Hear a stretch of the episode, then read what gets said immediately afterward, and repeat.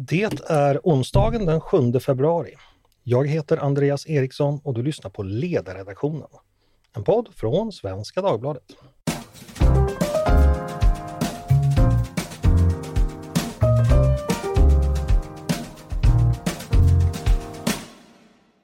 Varmt välkomna tillbaka till oss. Kan vi i Sverige uttrycka våra åsikter öppet och fritt när vi deltar i den offentliga debatten? Kan vi göra det inför våra vänner när vi pratar i privata sammanhang? sammanhang? Eller finns det tecken på att vi ibland ägnar oss åt självcensur? Det vill säga att vi väljer att inte alltid säga vad vi tycker för att inte riskera att drabbas av exempelvis hat eller hot eller andra repressalier. Och om det skulle vara så, vad får det i så fall för konsekvenser? Det är ämnet för dagens podd. Bakgrunden är en ny ESO-rapport som heter Talande tystnad som behandlar just ämnet självcensur. Den är skriven av Sten Widmalm, Thomas Persson och André Kasselbrandt. Och de har i rapporten undersökt själva fenomenet självcensur och finner där att det är faktiskt ganska vanligt förekommande.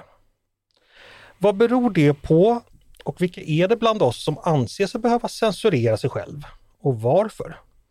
Och vad betyder det här för vårt samhälle och för vår demokrati?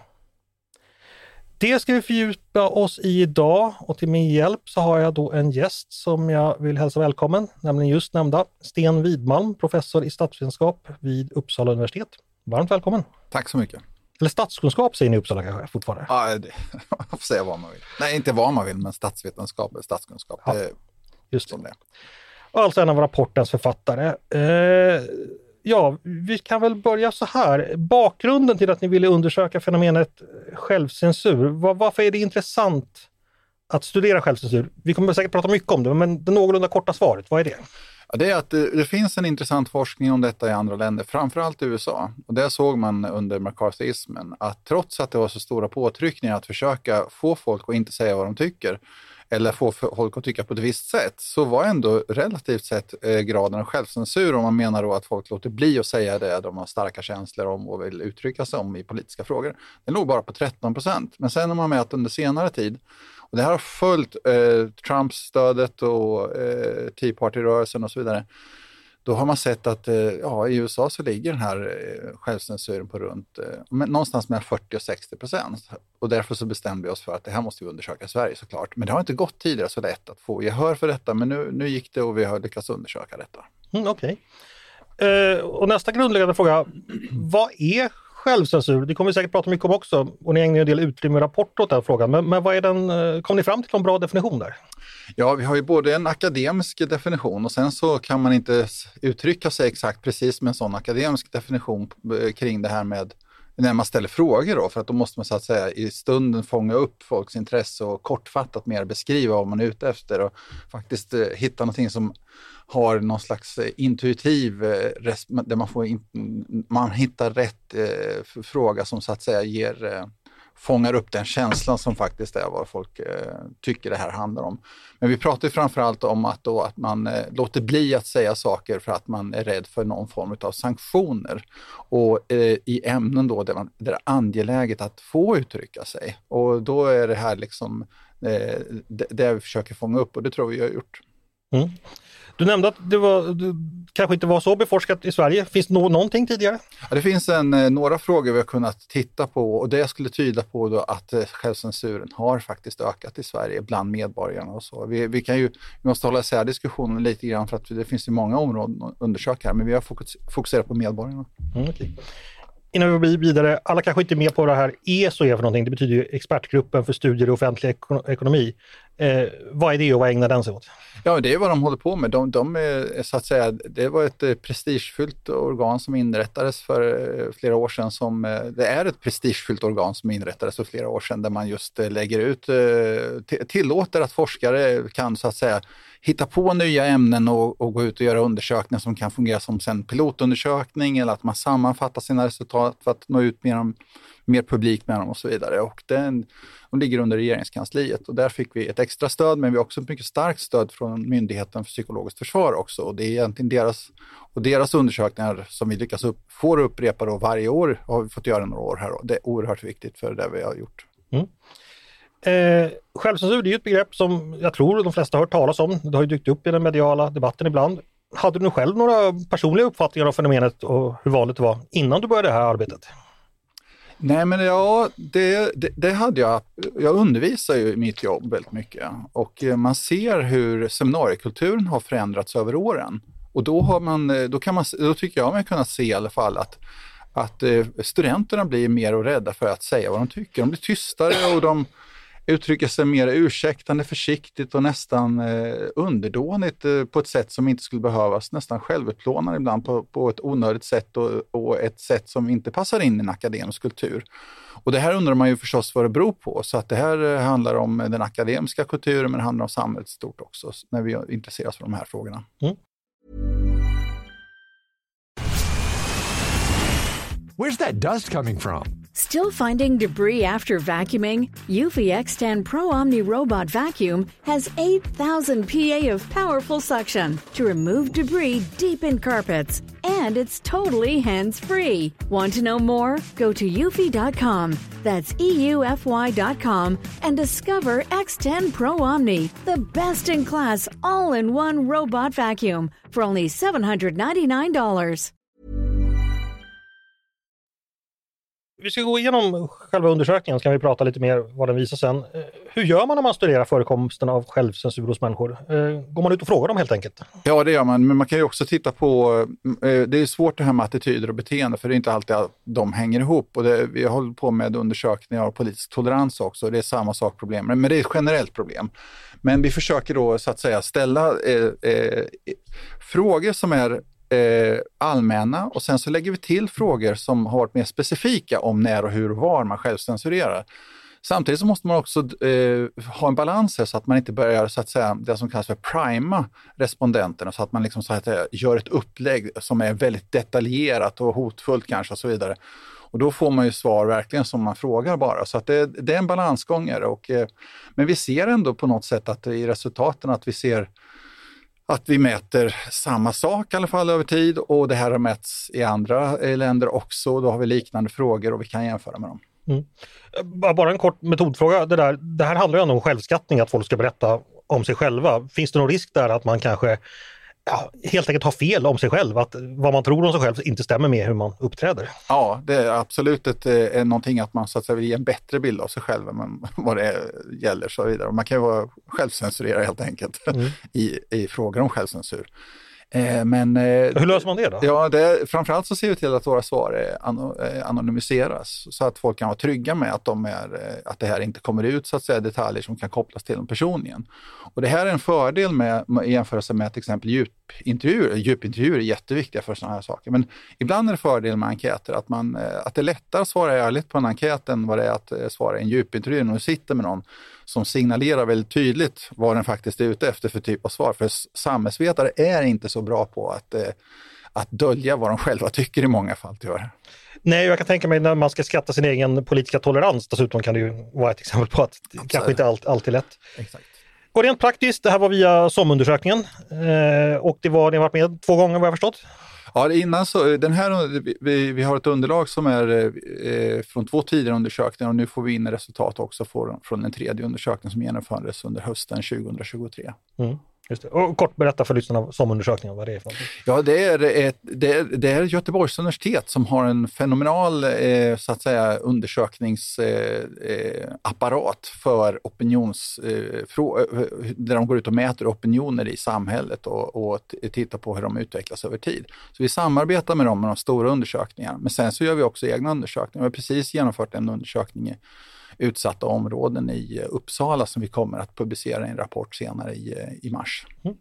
Nu har vi pratat massor om undersökningen, jag tror lyssnarna är nyfikna på vad den visar. Eh, vi börjar med självcensuren, någon slags helhetsperspektiv. Vad finner ni där? Jag sa tidigare att det var vanligt, men, men hur vanligt är det?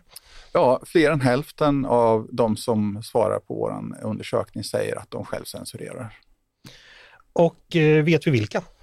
Ja, det är så att det visar sig att de som är män de som har låg inkomst, de som har eh, lägre utbildning och de som röstar åt höger eh, tenderar att självcensurera mer än andra. Men självcensureringen är generellt sett, ska man komma ihåg, eh, utbredd. Ingen större skillnad mellan könen.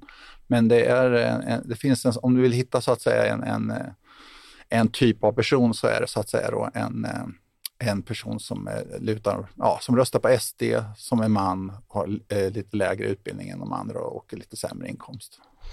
Innan vi går vidare, det här, den demografi du nämner här, eh, låg utbildning, röstar SD och är man. Vi känner igen den från mycket politiska sammanhang. Det pratas ju ofta om den väljargruppen och den beskrivs ju ibland som den som driver exempelvis SD i Sverige eller Trump i USA och så vidare. Eh, några reflektioner kring det? Ja, det, det, är frå, frå, det jag tycker man ska vara försiktig med det, det är att bestämma sig i förväg med om man säger att det driver eller skapas. För det kan man ju säga så här att ja, SD har ju så att säga då drivit fram attityder som är då så att säga eh, i viss mån av en, en viss typ av attityd, då, till exempel i immigrationen. Men de har inte drivit fram eh, att de här personerna är lågutbildade. Då. Så det, är liksom, det är förstås någonting som attraherar i det här partiet. Och när, det kommer till, eh, när vi kommer till vad man själv censurerar om så måste vi diskutera detta lite mer. Mm. För det är just orsak och verkan. Vi kan inte ge några definitiva svar på exakt hur detta fungerar, men man kan dra vissa logiska slutsatser. Mm. Det är värt att fundera vidare på. Vi ska återkomma. Men vi kan väl gå över till det här. Eh, för det finner ju också att eh, man självcensurerar sig inte om allt, utan vilka frågor är det som är vanligare? Ja, och då är det invandring, integration, religiös extremism och religion. Det är topp tre ämnena för eh, självcensur i Sverige. Uh, nu ska vi upprepa det, alltså in, in, invandring, integration, uh, religion. Och, religiös extremism religiös och sen religion. Och, sen religion.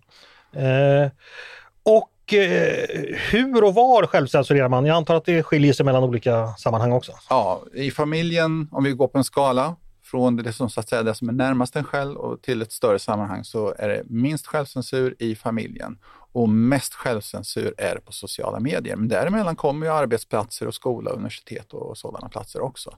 Men sociala medier är det unikt höga resultat för just självcensur. Där är det en särskild slags rädsla som sprid, har spridit sig som är, uh, man måste ta den på stort allvar. Vet ni mer om varför man självcensurerar sig? Vad, vad, är man rädd för eller vad är det som man känner?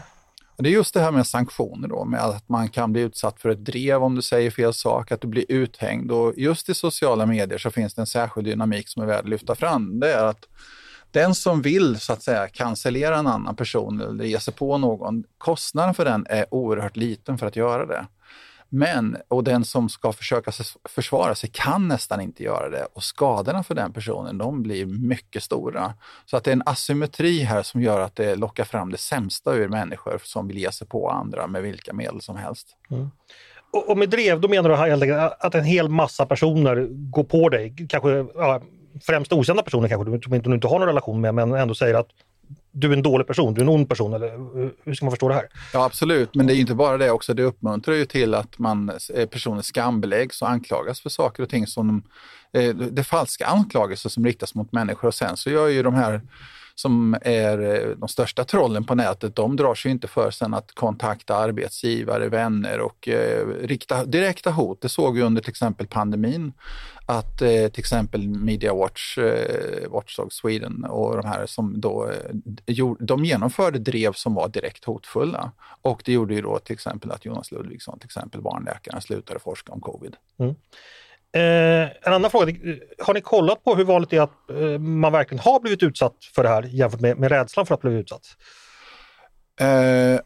Alltså det, det, här är ju, vi ställer ju frågan ifall, ifall vad, vad, vad det är för någonting som gör att man självcensurerar. Om du så att säga, du själv har blivit utsatt för detta, det har vi inte ställt frågor om. Men vi frågar ifall det är detta man är, känner sig hotad för. Och, för att, eh, och, och det, det, har du helt rätt i, man skulle kunna liksom sätta det här i kontexten att du själv har råkat ut för ett, ett drev, en kampanj och så vidare. Men det, på så sätt har vi inte ställt frågan. Var det någonting som överraskade dig eller, eller dina kollegor när ni fick in resultatet? Eller överraskande ja, Första gången vi gjorde undersökningen så eh, var överraskande när vi fick in resultaten att det var så pass många att det skiljer sig stort sett inte mellan USA och Sverige vad gäller graden av självcensur. Och sen så var det också då att det här väckte känslor när vi publicerade de första resultaten också efter den första undersökningen. Att det här var liksom folk som blev starkt irriterade och upprörda över att vi ens ställer frågor på det här sättet också. Så att det, här liksom, det, det, är någonting som skaver i detta och jag tror att man är rädd för att man ska... Det vanligaste som kommer fram det är en rädsla för att man ska legitimera de här hög, lågutbildade högermännens aktiviteter då, i populistiska arenor tror jag. Det är huvudsaken. Men hur tänker man där? Att eh, man så att säga gör eh, dem till ett offer de inte är? Eller hur ser resonemanget bakom det ut? Ja, men titta på vårt resonemang här då, om vi kommer in på detta med till exempel Sverigedemokraterna så försöker vi ha en diskussion i den här ESO-rapporten om hur det här kan hänga ihop. Om, vi kanske ska gå in på det Ja, det kan vi absolut ja, göra. För det är en viktig fråga och eh, eh, om man tar till exempel den viktigaste frågan här som kommer fram, det är ju integration och immigration och det är ju SDs kärnfråga. Och det är ett parti också då som har ökat i stödet väldigt mycket. Och det har vi liksom en situation där de 2010 hade 5,7 procent eh, vid val till riksdagen och nu har de då 20,5. Så det är en enorm ökning och eh, kärnfrågan är precis det som man säger att man själv censurerar om. Och, det, eh, och vi, vi, går tillbaka och diskuterar hur det var till exempel 91 när, eh, när Westberg eh, reste sig ur soffan och gick ut ur eh, debatten eh, efter valsegern då, och för att han ville inte prata med Ny Demokrati och så vidare. Och där la man ju locket på så att säga, så att det här liksom ligger utanför för, för, för, eh, immigrationsfrågan, den får liksom inte ifrågasättas. Så det, man la locket hårt på. Det hände igen 2000, i början på 2000-talet när Anders Westholm genomförde sin integrationspolitiska maktutredning. Det räckte med att ett par forskare sa att det här präglas av rasism, så var han tvungen att lämna jobbet. Det var, det var en tid när vi hade haft möjlighet att göra riktigt bra forskning om integration. Och det här tving, det sköts i sank på rent osakliga grunder. Och sen så stannade forskningen där. Sen är det liksom, som det har framkommit i debatten, varit många som har missat det här med att undersöka eh, stora problem med segregationer och vad det drivs på av och varför det finns det extremister på vissa håll som växer i områden som är utsatta och så vidare. Det har man inte ens vågat forska om i Sverige under väldigt lång tid, trots att vi har så mycket pengar som går till integrationsforskning. Bo Rothstein och Carina Gunnarsson och Peter Esaiasson som har lyft fram det här på ett väldigt bra sätt i debatten. Och det här får vi faktiskt betala ett ganska högt pris idag för att det har varit självcensur inom forskning, inom debatter, eh, offentliga debatter och i politiken. Och det här det är i alla fall min fasta övertygelse, har SD tjänat på. De har så att säga haft den här profilfrågan och det är klart att det påverkar personer på det sättet som de uttrycker sig så illa som de uttrycker som andra grupper i samhället. Att en del personer som då har extrema åsikter lockas till det partiet. Men det är också så att man suger upp ett missnöje. Som vi ser den här stora ökningen vad gäller stödet för SD så har man då så att säga kapitaliserat på tystnadskulturer och självcensur. Mm. Eh, jag, säga, jag delar i stort den analysen, men jag undrar ändå, nu beskriver du ett ganska brett fenomen där det, vi går tillbaka till så att säga, hur politiker och media på 90-talet förhöll sig till de här frågorna, vi pratar inom akademin. Ni har ju ändå undersökt självcensuren bland breda väljargrupper. Hänger de här fenomenen ihop? Är det samma typ Går det att beskriva på samma sätt att dina forskarkollegor ibland eh, får dra sig undan som att liksom välja grupper, ja, vi pratar om halva Sveriges befolkning här, liksom. är det samma sak? Är det samma fenomen? Jag tror att det yttrar sig på olika sätt och jag tror att det, i den offentliga debatten så har det ju skett en förändring. För nu är det ju så att säga, många av de här frå svåra frågorna, de kan man ju debattera idag. Det här har ju gått framåt. Men det är ju Stockholmstidningarna främst. Och det är en annan sak, jag kommer själv ursprungligen från Tranås och det här är liksom, det är svåra saker att diskutera i, små, i mindre samhällen ute på landsbygden och så vidare. Där liksom är alla vet vem de andra är och så vidare. Och det, där finns det kvar liksom, eh, eh, det, det, det, är ingenting man gärna går ut och säger att man är sd men ännu, det är ju jättestor skillnad på universitetet. Det är ju ingen som skulle gå ut och säga att de var sd på universitetet heller. Ta, förutom då Tony Gustafsson som just skulle göra den här vitboken och förstås. Han fick ju erkänna till slut att han en han, han sa ju inte ens det från början. Nej, han sa inte ens det, men det visade sig sen att han hade varit det och han, eh, det han råkade ut för efter det, det var inte så roligt. Så att det, eh, det finns ju, det finns ju så att säga då eh, tystnadskulturer kvar om detta. Och sen eftersom det handlar om SD, sen kan man ju normativa uppfattningar om ifall det är bra eller inte och så vidare. Ifall, man kan ju tycka helt enkelt, ja, med de åsikterna så ska man hålla käften. Ja, men man kanske också borde diskutera de här frågorna bättre för att undvika att så många sen gick till SD också. Mm. Eh, håll mig kvar lite med min förra fråga. Det är alltså att elitens tystnads eller självcensur, den så att säga återspeglas i breda väljargrupper. Är det så man ska förstå ditt resonemang? Att det är liksom, går det neråt så att säga, neråt i någon sorts hierarkisk mening här? Förstår du vad jag menar? Är det så det, att om den lokala lokaltidningsredaktören självcensurerar, politikerna på orten självcensurerar, då kommer också så småningom alla göra det. Är det så det fungerar? Alltså hur, hur här, huruvida det här är, ska ses som kommunicerande kärl, det vet jag inte riktigt. Men det, jag tror att det är vissa, det, det är klart att och, eh, mediebilder och vad som sägs i debatter påverkar. Men det finns ju debatter också på en annan nivå också mellan medborgarna som är viktiga och framförallt debatten som sker på sociala medier. Det är den som vi har lyft fram här som är det viktiga för hur mycket folk eh, självcensurerar i stor omfattning. Och det glömde jag säga också att det är yngre män förresten också. De yngre självcensurerar mer, självcensurerar mer än de äldre. Och det är ju de yngre som är mycket mer på sociala medier, eh, medier fast inte då Facebook ifall du liksom är något eh, yngre än vad jag är, utan det är ju andra, andra ställen som man går till och eh, där har eh, många av de äldre inte särskilt bra koll på vad som försiggår faktiskt. Mm. En reflektion där. Ibland har det beskrivit sociala medier som just icke-hierarkiska. Där styr inte gamla auktoriteter som media och politik, utan där är ju medborgare. Det är lite intressant att det är så vanligt förekommande även där, så att säga, där inte redaktörerna finns så att säga. Jag skulle säga att det är mer socialdarwinistiskt i den här hemska bemärkelsen att det är liksom eh, Eh, ja, den starkaste överlevnad och att det är liksom någonting som allas krig mot alla och det är de som så att säga gaddar ihop sig mest eh, som vinner utan att de har lösningar på problem och så vidare. Jag tycker att det finns mycket bra med sociala medel såklart, men jag tycker också att det det, fin det, finns eh, stora problem som uppenbarar sig här som man måste ta på allvar. För att det, det, sociala medier har en otrolig förmåga att krypa sig in i telefonerna som folk tar med sig i sängen och går och lägger sig. De ser de här medlen som strömmar in och så vidare det är ju en form av, jag, uppfattar i vissa fall några av de här kampanjerna som en form av hjärntvätt som riktar sig särskilt till de yngre. Och det är någonting vi, vi eh, liksom kanske inte ser vidden och kan förklara riktigt av, men det här skulle kunna vara, det vi har här, resultaten som vi presenterar kan vara ett viktigt, eh, eh hänger ihop med detta, är jag övertygad om. Jag tänkte testa några invändningar som jag tänker man kan, man kan göra mot de här resonemangen. Eh, jag kan tänka mig att man kan säga så här att det man kallar självcensur, det kan också kallas så att säga, eh, konsekvenser av vanliga umgängesregler, anständighet, finkänslighet, ovilja att såra andra människor. Eh, hur förhåller sig självcensur till den typen av sociala fenomen? Går det att dra någon klar gräns och hur har ni resonerat där? Ja, men det är en eh, viktig och, och, vanlig invändning och Eh, det är förstås så att vi inte vill blanda ihop det här med artighet och att man tar hänsyn till andra människor förstås. För att det är ju någonting helt annat och det behöver vi ett samhälle och det vet vi. Nihilisterna i eh, för eh, strax över hundra år sedan i Ryssland till exempel. De testade det här med att inte vara artig och säga exakt vad man tyckte om andra människor när man träffar dem. Och, och de, de, det gick ju inte att ha dem på fester och sociala sammanhang och de eh, skötte sig inte bra och så vidare. Så det, det går inte att ha ett sådant samhälle. Och det var ju när vi skrev den här första rapporten på detta och debattartikeln om detta så var det en del som reagerade och sa på nätet, folk som jobbar på andra tidningar, att det här liksom är att Sten Widman vill att man ska prata om att man ska deportera och internera eh, invandrare för att, eh, för att eh, det passar sig och så vidare. Man drog väldigt långtgående slutsatser som jag tyckte var på, ja, oärligt och det var ju bara för att piska upp stämningen då mot den här typen av forskning. Då. Men man får se upp och vi är ganska precisa tycker jag med våra frågor.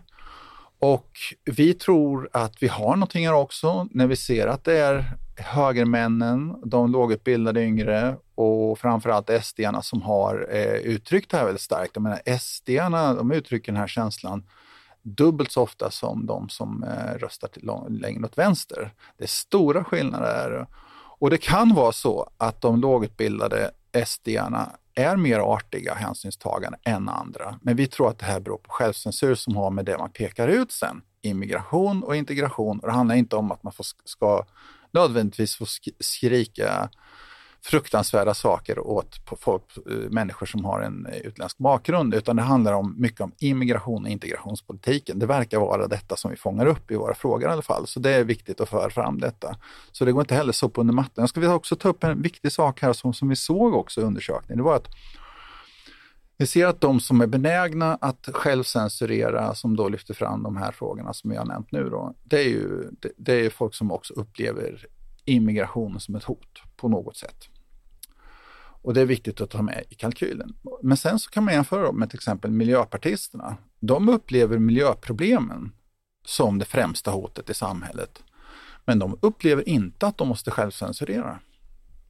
Så det verkar vara så här att i vissa frågor där är det väldigt högt tak för vissa åsikter. Och i andra frågor på individnivå, som det uppfattas i alla fall, så är det väldigt lågt i tak för vissa frågor. Mm.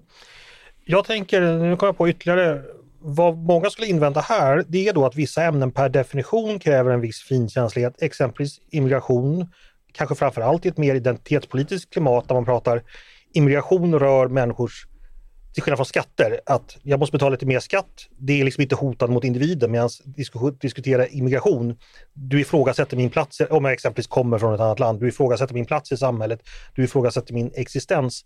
Har du någon förståelse för argumentet att vissa ämnen genom sin ja, natur bör omgärdas av, av kanske lite mer artighet eller slash självcensur, vad man nu väljer att kalla det? Ja, det är självklart så att man måste vara särskilt försiktig med frågor som har med eh, att göra med integration och immigration eftersom det här kan så att säga då eh, göra att man göder ett monster då som eh, sprider sen då skräck i samhället och förföljer andra och så vidare. Det är ju absolut på det sättet. Men finkänslighet och det, det, så det, kan, det ska man absolut diskutera om hur man för en rationell och saklig diskussion.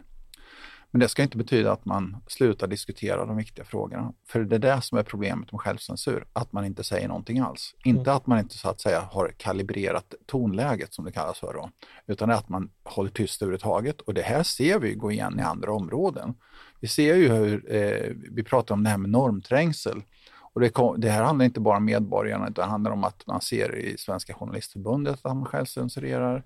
Man ser att eh, personer som jobbar i socialtjänsten, i svensk förvaltning självcensurerar, inte vågar säga vad de tycker. Man pratar om tystnadskulturer i så fall och sådana saker. Och det här gör ju då att information som bör komma fram inte kommer fram och det är rädsla för sanktioner. Att du ska bli av med jobbet, att du blir ovän med en chef, eller att du på något sätt då blir utfryst i de sociala sammanhangen. Det är ju hårda sanktioner och då är det så att om vi tittar på debattklimatet så har det blivit så att man väldigt snabbt går ut och drar det så kallade rasistkortet till exempel. Då. Eller i pandemin att man går ut och säger att du vill att si och så många människor ska eh, dö om inte du går med på den här åtgärden och stänger ner och gör allt det. Titta bara, försök komma ihåg klimatet, hur det såg ut där runt 2020, hur det såg ut i den offentliga debatten. Det var ju väldigt hårda kampanjer som genomfördes mellan de som man då hade meningsmotsättningar eh, med och det är liksom det är precis eh, det, det, den dynamik som går igen. Eller BLM till exempel, protesterna. Det, var liksom, det, det, det blev ju ingen bra debatt om det heller. Metoo spårade ur flera avseenden också. Och vi har, så det här kommer ju hela tiden göra. Och vi, vad vi märker är att så, återigen sociala medier spelar en stor roll då, som gör att det blir svårare och svårare att diskutera saker. För att för där är bestraffningarna så oerhört hårda och det, är liksom, det, det, gör att vi tystnar och det gör att inte demokratin mår bra av det. Mm. Eh, en sista liten sån där invändning innan vi pratar konsekvenser. Jag tänker på det här, eh, det finns ett fenomen som kallas politisk korrekthet, det vill säga en vilja att ansluta sig till vad man uppfattar som en dominerade värderingar i, i samhället, de moraliska och politiska föreställningar som helt enkelt de ledande kretsarna har. Om man bara ägnar sig åt det, är det självcensur? Alltså opportunisten, den som bara liksom så att säga vill vill följa med. Är det också ett exempel på självcensur eller är det ett annat psykologiskt fenomen? Vad, vad skulle du säga om det? Jag skulle säga att det är ett, är ett eh, besläktat fenomen. Jag tror att det termen politisk korrekthet, den, bjud, den bjuder in till motkritik, för det är ungefär som att säga, ah, men ska vi inte försöka bete oss anständigt ungefär. Va? Mm. Men eh, visst, det, det, är liksom del av samma problem och jag, jag tror att eh, begreppet har tillkommit för att det, det fångar upp någonting som, som ligger i tiden, absolut. Och jag tycker att man kan se detta på till exempel eh, populärkulturen, utbuden. Vissa saker kan sägas men det är ju väldigt svårt att hitta eh, någon som har någon eh, till exempel vågad humor längre överhuvudtaget. Det här är liksom en, vi lever i en tid som kännetecknas, skulle jag personligen säga, av humorns död och det tycker jag är ett demokratiproblem. Mm. Ja, om vi tar det hela. Eh, givet de här resultaten jag kommer fram till nu och det resonemang ni för i rapporten, vad skulle du säga, eh, vilka är, vilka är lärdomarna från det här och, och, och eh, hur, hur tar vi det här vidare? Ja, vi tittar ju på det som är sagt om SD. Det tycker vi är viktigt att försöka diskutera rationellt då, att eh, om tystnaden blir för stor så trycker man välj, eh, väljare mot partier som kan vara extrema på olika sätt. Det handlar inte bara om SD, vi kommer se utveckling när det är, eh, vad gäller miljöfrågorna framöver, religiös extremism och sådana saker också. Då. Det här påverkar partirymden, gör det. och det påverkar också vad det finns för utrymme för populism. Och jag menar det här, vi, vi, vi har ju ett allmänt sett sämre debattklimat idag i Sverige. Och det behöver jag inte dra några exempel, men det tror jag är uppenbart för alla. Sen så tar vi upp det här med att, eh, att om vi hela tiden matar på med normer som alla ska hålla sig till hela tiden, som ska genomsyra alla verksamheter, förvaltning, alla verksamheter som du kan tänka dig. Då, blir det, då uppstår fenomenet normträngsel. Och normträngsel det är att du har för många sådana här värderingar som alltid ska tas hänsyn till. Och det tröttar ut människor mentalt. Och det gör till slut att man inte, man kan, det kan bli så att man självcensurerar, man vågar inte säga någonting alls, för så visar det sig i tystnadskulturen, till exempel Göteborgs eh, förvaltning, att det, det är så eh, folk har resonerat när de inte vågar säga ifrån. Men det är en sak här som är väldigt farlig också, det är att det skapar utrymme för godtycke. Eh, för att här finns det då alltid en flora av sånt som ska eh, prioriteras. Om jag inte gillar just dig på jobbet, då kan jag alltid dra någon av de här prioriterade områdena. Om det finns 25 då som att välja på, det är inte svårt att jag kan så att säga använda det här i nästan då i, i auktoritär stil, någonting man bara drar till med för att liksom hitta något på någon.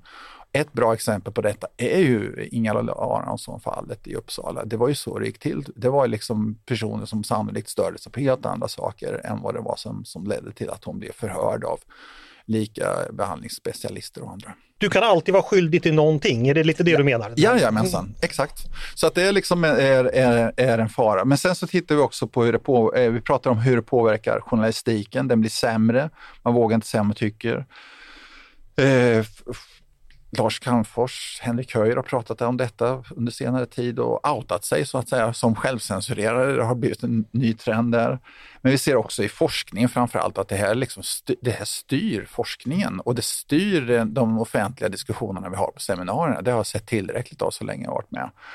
Och sen då så eh, kan det här så att säga då när eh, vissa normer starkt då cementeras in och sägs att det här får du inte ifrågasätta, det här får du inte diskutera och så vidare då kan ju cancelkulturen få fäste på ett helt annat sätt än vad man skulle göra annars. För det här kan ju då bli så att säga då verktyget som man slår med så att säga. Och ta till exempel exempel på det, ja, överklagande nämnden för etikprövning. Det är ett exempel när Sami Egyptsson till exempel då blir systematiskt anmäld till ÖNEP av personer då som är hans motståndare som lägger upp hemsidor och står så här gör så här för att anmäla Sami Egyptsson. Man lägger upp hemsidor så det bara regnar in då på Lunds universitet då, anmälningar att ta hänsyn till då för att man ska knäcka honom då. Mm. Och då jobbar jag alltså med andra ord då, de här extrema, extremistiska aktivisterna, de jobbar i sank, sam, de, de, de liksom hittar en gemensam strategi genom att utnyttja myndigheter på det här sättet då. Det är klart att det här sprider sig som ringar på vattnet. Att du kan, du kan åka i fängelse om du blir fälld för ÖNEP.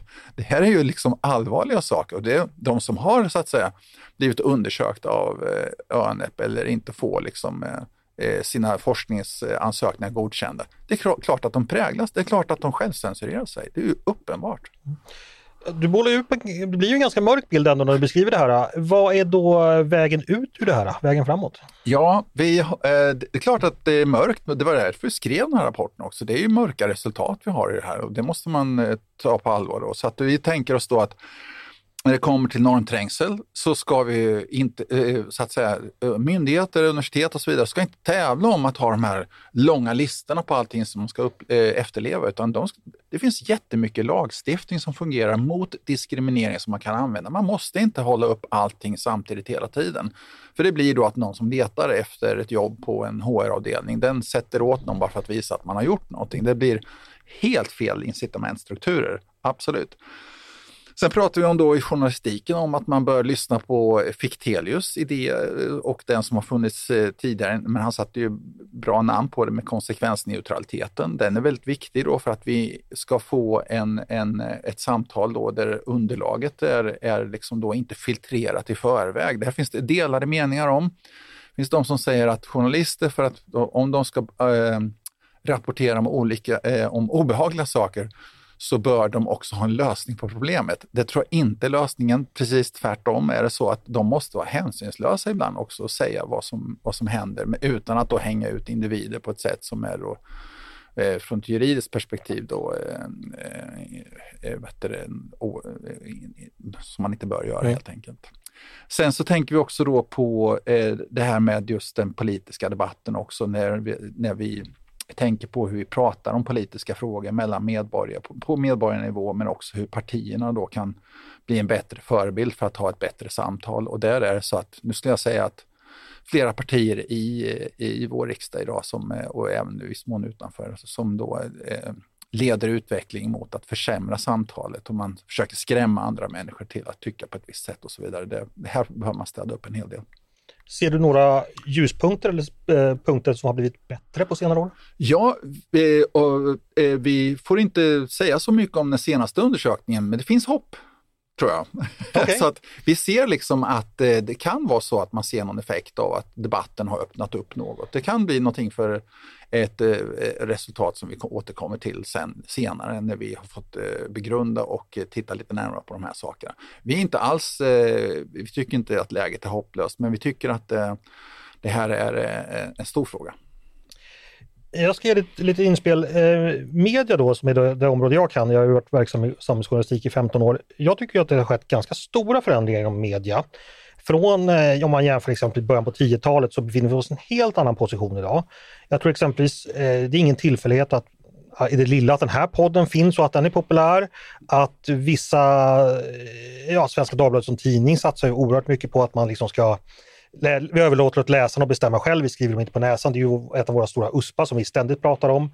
Man tittar också på vilka som är framträdande media, de som var i början på 10-talet är det inte på samma sätt idag. Jag, eh, jag tänker också Sveriges Television, eh, en redaktion vi hyllar där är Agenda som på ett sätt har ställt om och sådär. Eh, ja, det finns, jag tycker det finns exempel på att media ändå har börjat ta sig ur den här problematiken du beskriver. Jag vet inte om du håller med, men, men och jag tror det har gått till så helt enkelt att vi har lärt oss på liksom gammal gott, alltså det här gamla eh, som man resonerar sig fram till vad som är det bästa. Ibland gör det västerländska samhället misstag, men det rättas till efter ett tag. Eh, och det tycker jag vi inom media ändå är på gång att göra. Eh, är jag, skryter jag om min, egen, om min egen sektor eller vad skulle du säga om det? Ja, det, på, eh, jag ska inte vara för hård, men så är det. Jag tror du har rätt i det du säger. Jag tror att det har blivit ett, eh, som jag nämnde det här tidigare också, att eh, jag tror att eh, debattklimatet har blivit mycket bredare i, på, på så sätt som du beskriver här. Absolut. Ja, inte med bredare men också att åsikter får stå på egen grund. Har man ja. en poäng så har man en poäng och då ja. får man gå vidare från det. Ja, det stämmer. Däremot så är det också så att jag tror att bland yngre människor och folk som har inte bott i Sverige särskilt länge och så, så spelar de här eh, medierna inte så stor, lång, eh, så stor roll längre som de gjorde förut. Eh, och jag tror att konkurrensen mot eh, sociala medier är så stor och då med andra saker än poddar som denna då som har eh, eh intresserade lyssnare som är pålästa och så vidare. Oftast tror jag, eh, så är det så att det som försiggår med eh, vad man lyssnar på, särskilt bland yngre, ute i sociala medier, så har det ett övertag idag. Det är eh, jag diskuterade detta ofta med yngre personer av olika skäl, dels i mitt jobb och i andra sammanhang också. Och man märker att medievanorna, det, det är liksom är eh, det, det, finns eh, inte särskilt eh, utvecklade uppfattningar om vad som är goda medier och vad man kan lita på och så vidare. Man tar lite och rycker saker från olika ställen och man har inte någon så att säga, inarbetad rutin för vad man bör lyssna på eller var man kan få bra information i alla fall. Och där konkurrerar, konkurrerar eh, sociala medier, andra, andra aktörer i sociala medier ut de traditionella medierna och public service och de stora tidningarna som som sagt var mestadels läses i Stockholm om man tittar på Svenska Dagbladet och Dagens Nyheter är väl så i alla fall, eller är så?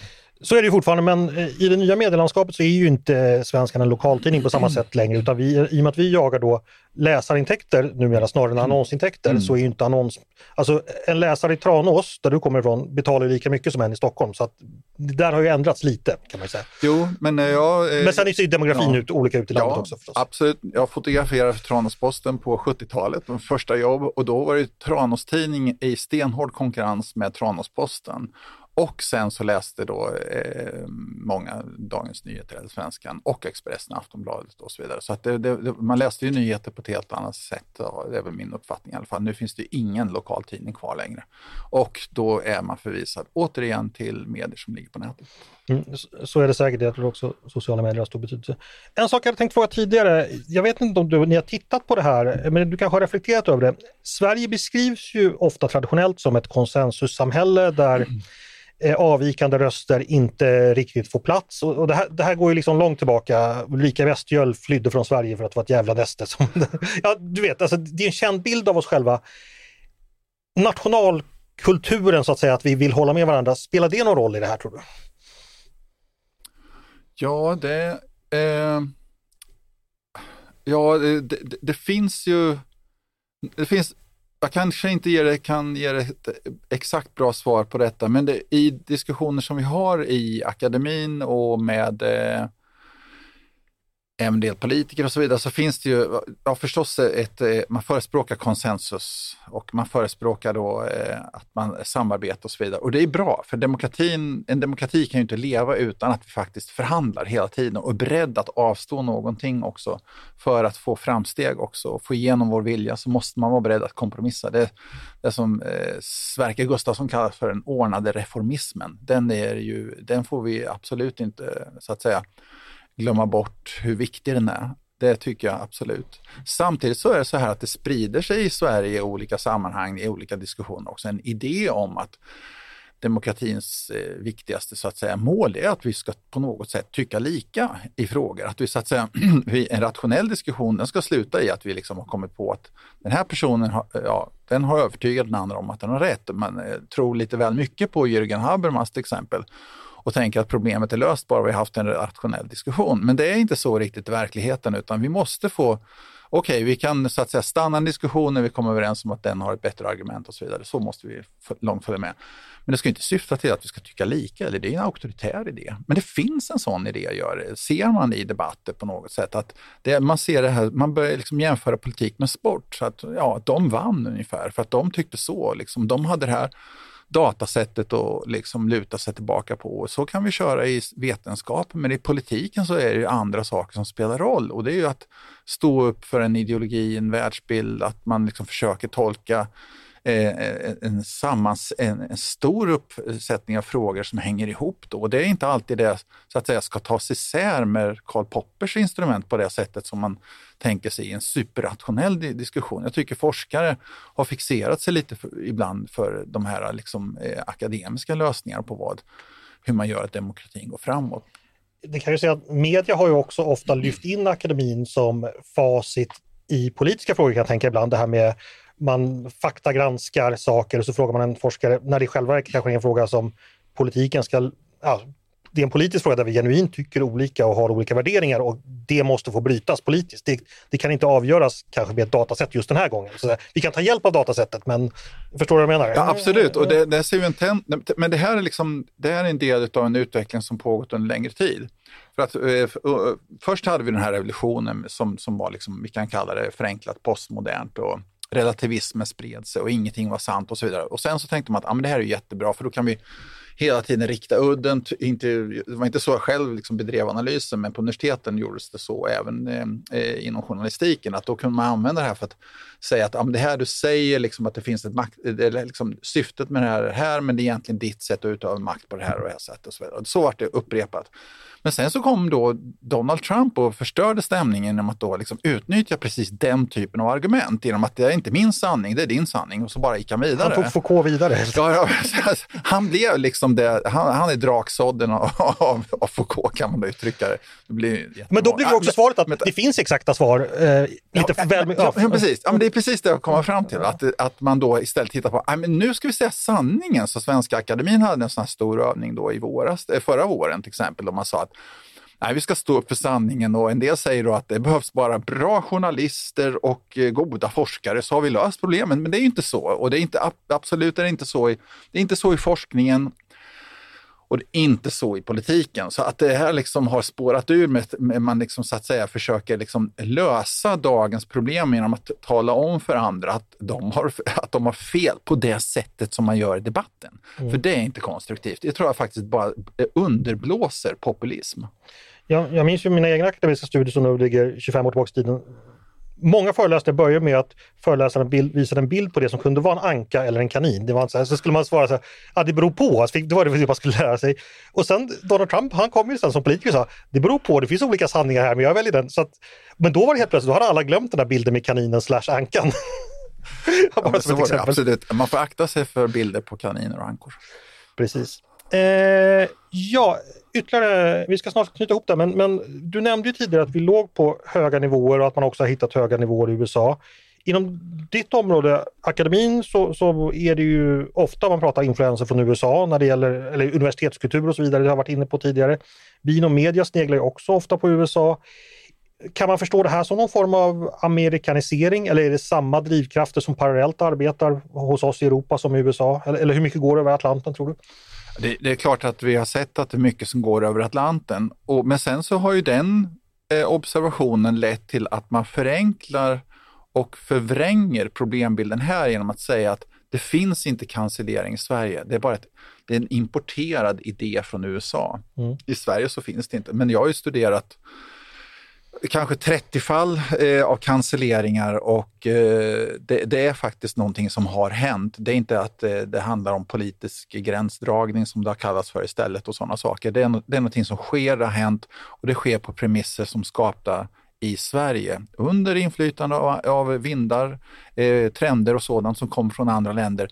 Men jag, jag, tror en sak i sammanhanget är viktig och det är att eh, vad svenskar är särskilt dåliga på, det är att förstå hur starka de här krafterna är i Sverige inom akademin.